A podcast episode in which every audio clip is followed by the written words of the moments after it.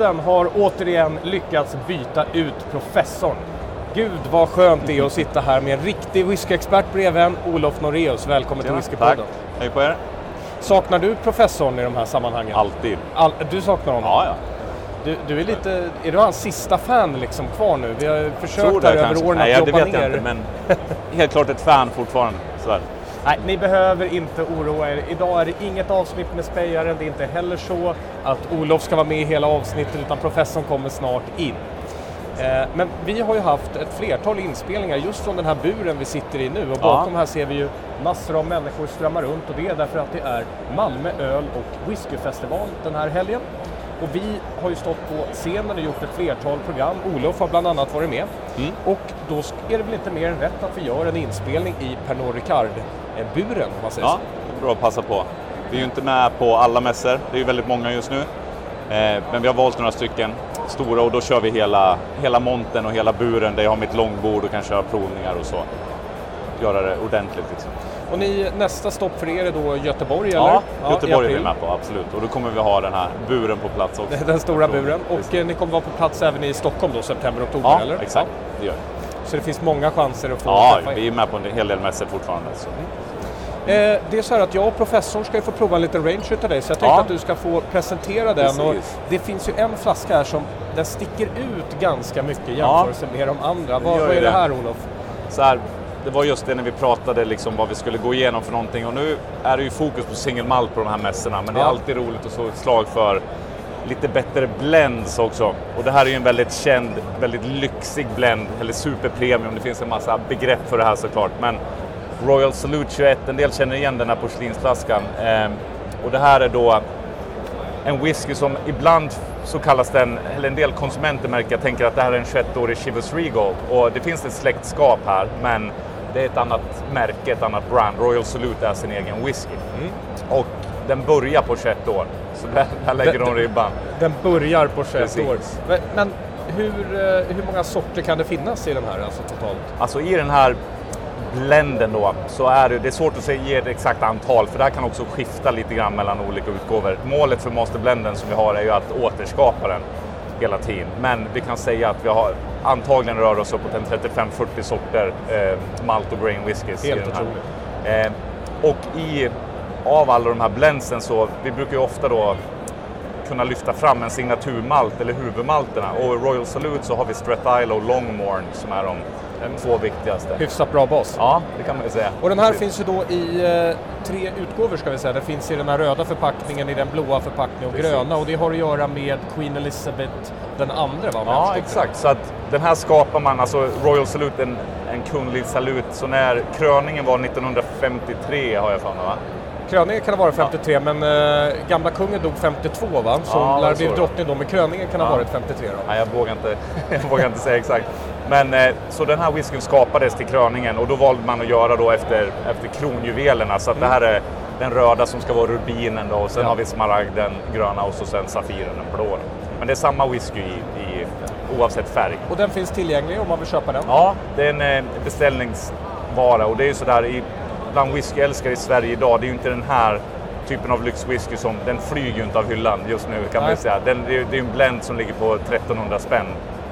Och det vet jag ju av erfarenhet att många som är intresserade av att lägga mer pengar i nuläget, då är det ju ofta single malt som är fokus. Ja. Men jag tycker det är kul att ha med den ibland på provningar och köra och lyfta den, för det är en fantastiskt bra whisky. Och nummer två här, här gäller det ju att man håller tungan rätt i mun. För man skulle ju kunna säga Glenburgie om man vill det, men den heter Ja. väl Glenburgie va? Ja, precis. Och det här är en helt ny buteljering eh, som släpptes första mars i Sverige. Det är en 18-årig Glenburgie. Vi släppte ju våran 15-åriga häromåret som har varit en jättefantastisk lansering och gick på ett år upp till topp 10 eh, av mest sålda singelmalten på bolaget. Och det här är då nästa. Och vi har lite specialläge med den här för att vi är enda landet i världen där den här går att köpa just nu. Och det kommer att vara så några månader till. Sen kommer den introduceras på ett par andra marknader. Okej. Men det var världspremiär här första mars.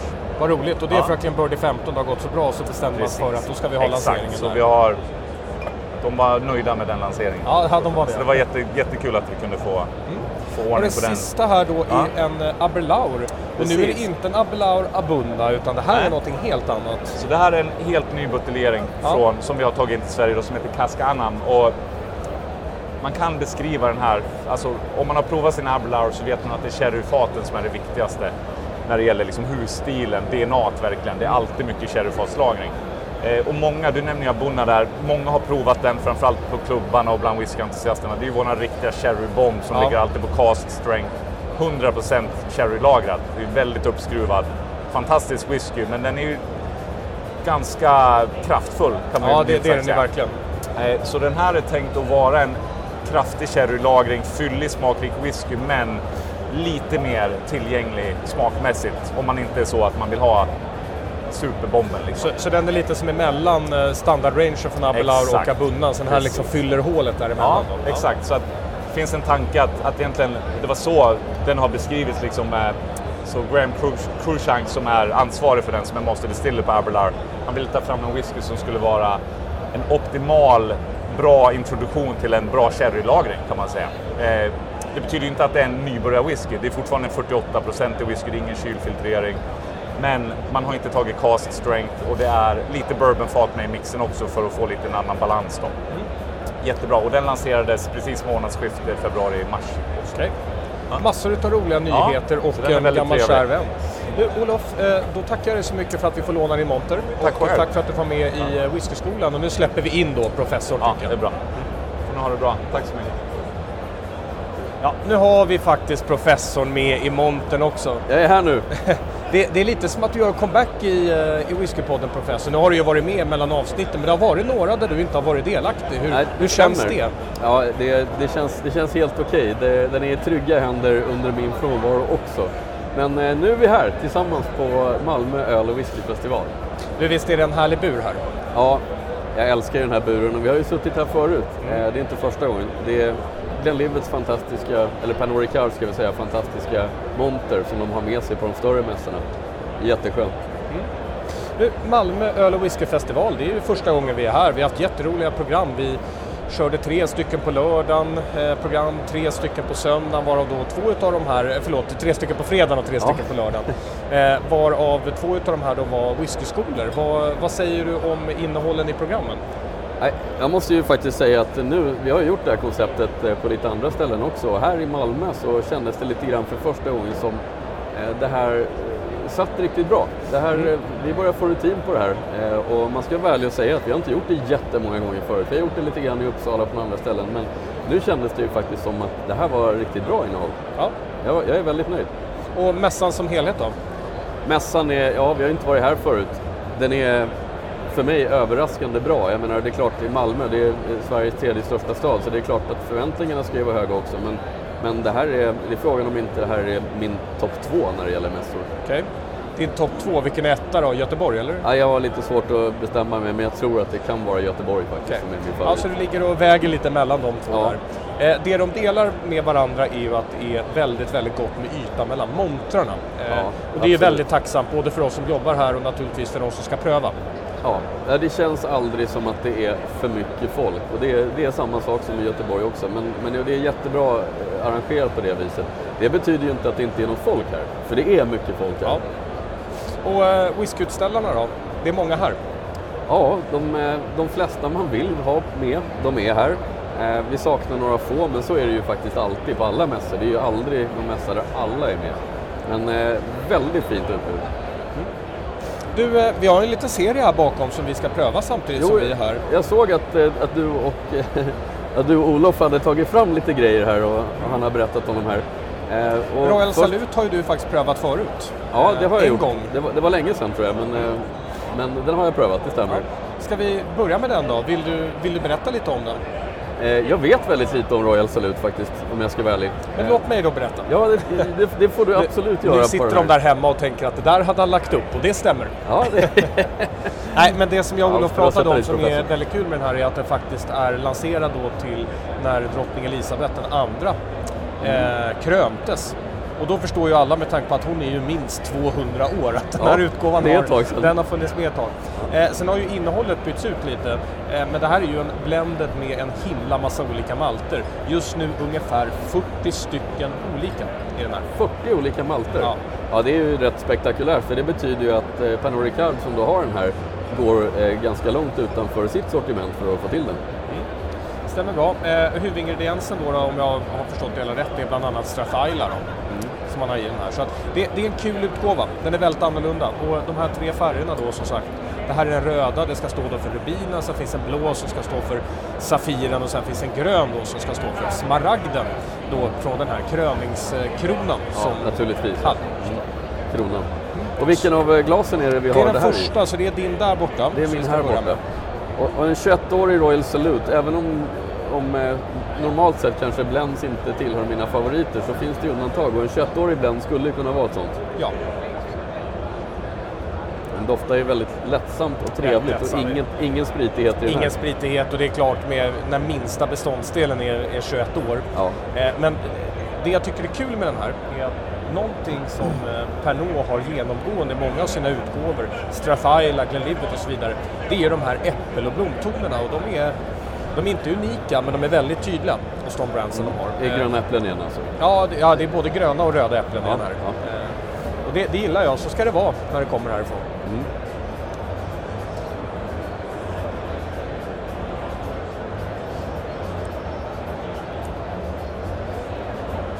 Oj, den är ganska potent den här. Ja, verkligen. Den känns starkare. Är den 40% verkligen eller är den starkare? Kan det vara 48 kanske? Nej, den är prick 40. Ja. Då, då är det, det, jag håller med dig, jag blir väldigt impad av att, eh, att den är det, för den får fram väldigt mycket smaker. Och den här gör ju sån här, den här är det märks att det är 40 mals i den här därför att den rullar mellan olika smaker hela Ja. vägen. Ingenting som sticker ut och spretar, inget som tar över, det är inte en sherrybomb.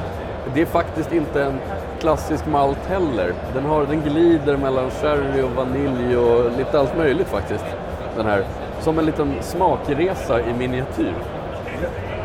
Det är rätt Så, häftigt. jag, jag ser att du ler, du gillar den helt enkelt. Ja, jag gillar den. Visserligen, eh, kanske, du, du vet ju att jag är inte jätteförtjust i försiktig whisky, sån som inte har attityd. Den här har inte så mycket attityd. Eh, men eh, det är roligt när man känner de här, den här mängden av smaker som bara är som en berättelse nästan genom hela whiskyn.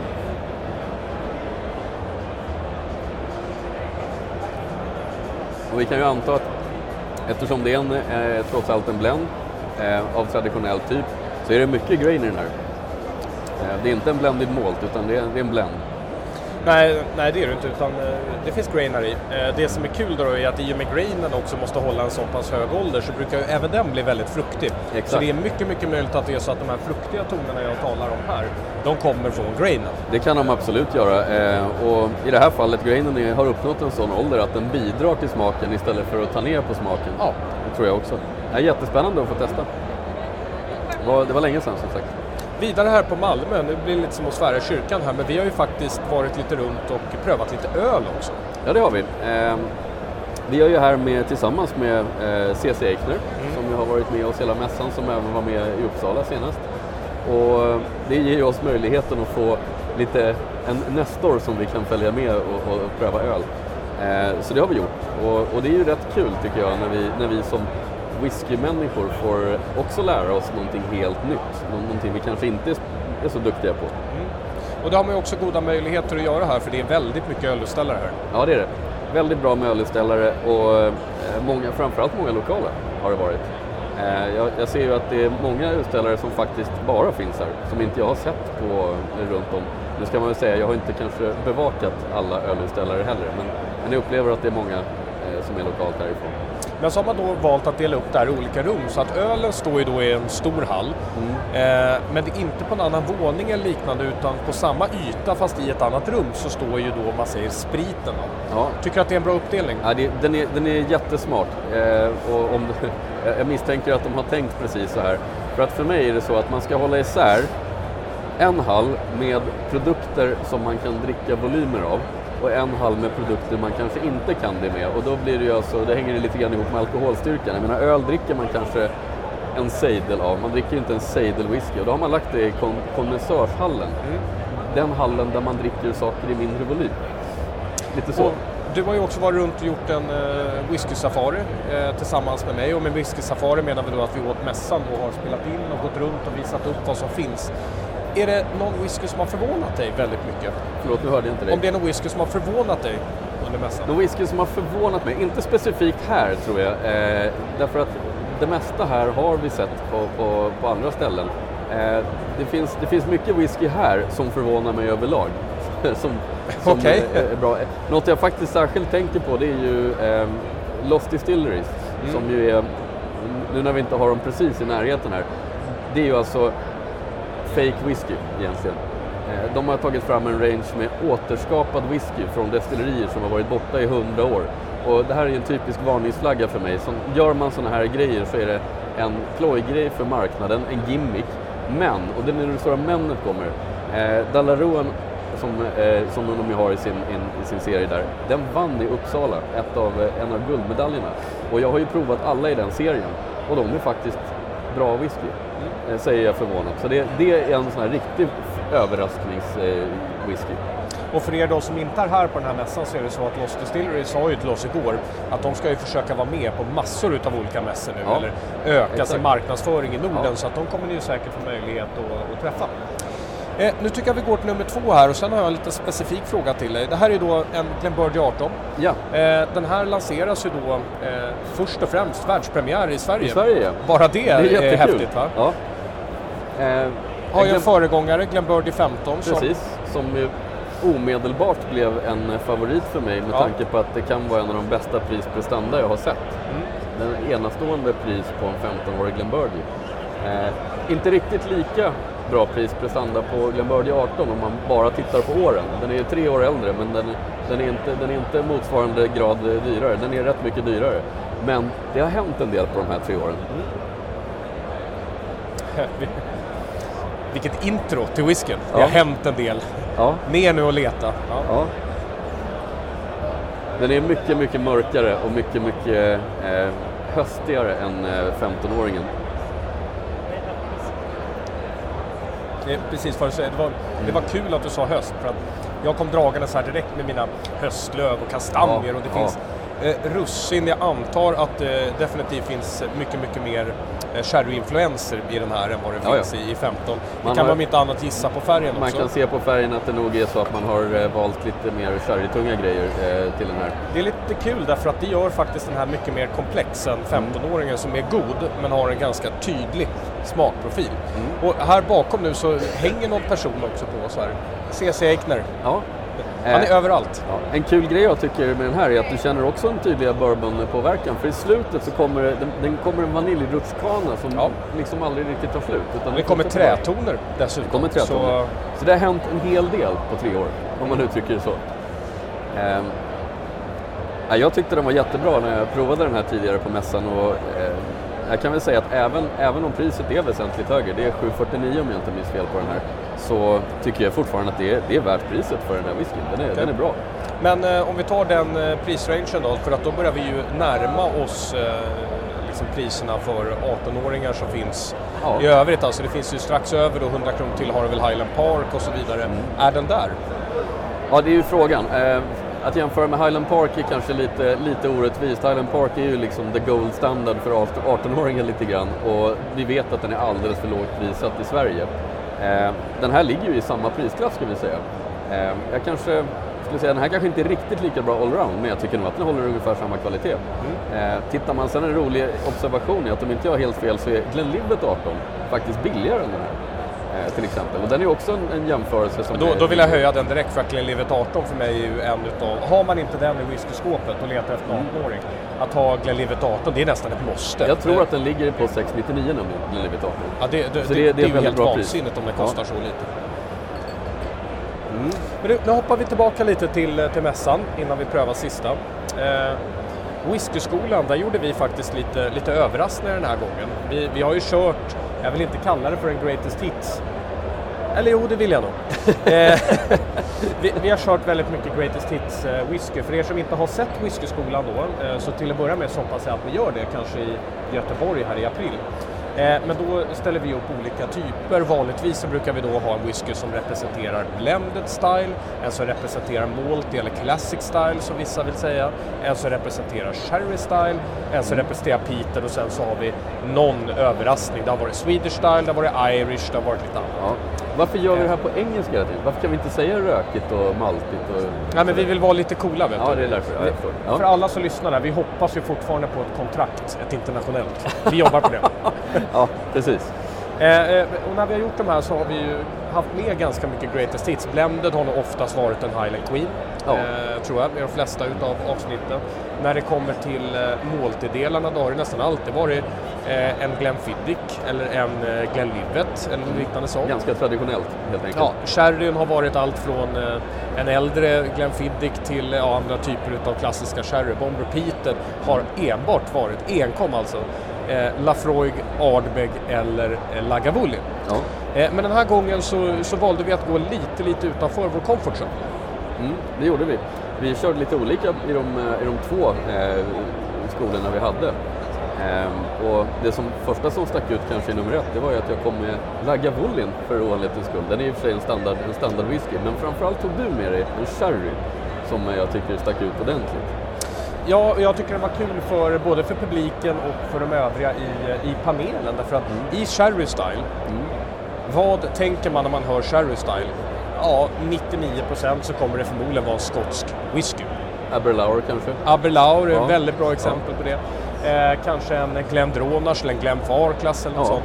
Vi kom dragandes med en 12-årig dansk whisky, alltså Braunstein. Braunstein Deras E10. i- E10.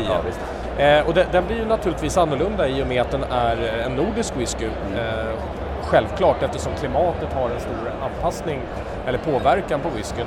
Men framför allt så var det ju de snopna minerna runt omkring när man insåg att herregud, gör vi så här bra whisky i, i Norden och den kan alltså täcka sherrystilen. Ja. Vad, vad, vad, vad tänkte du när du prövade den? Varje gång jag dricker E10, varje gång jag dricker en, en bra Braunstein-utgåva så slås man av oj vad bra danskarna är på det här, eller specifikt Braunstein är på det här.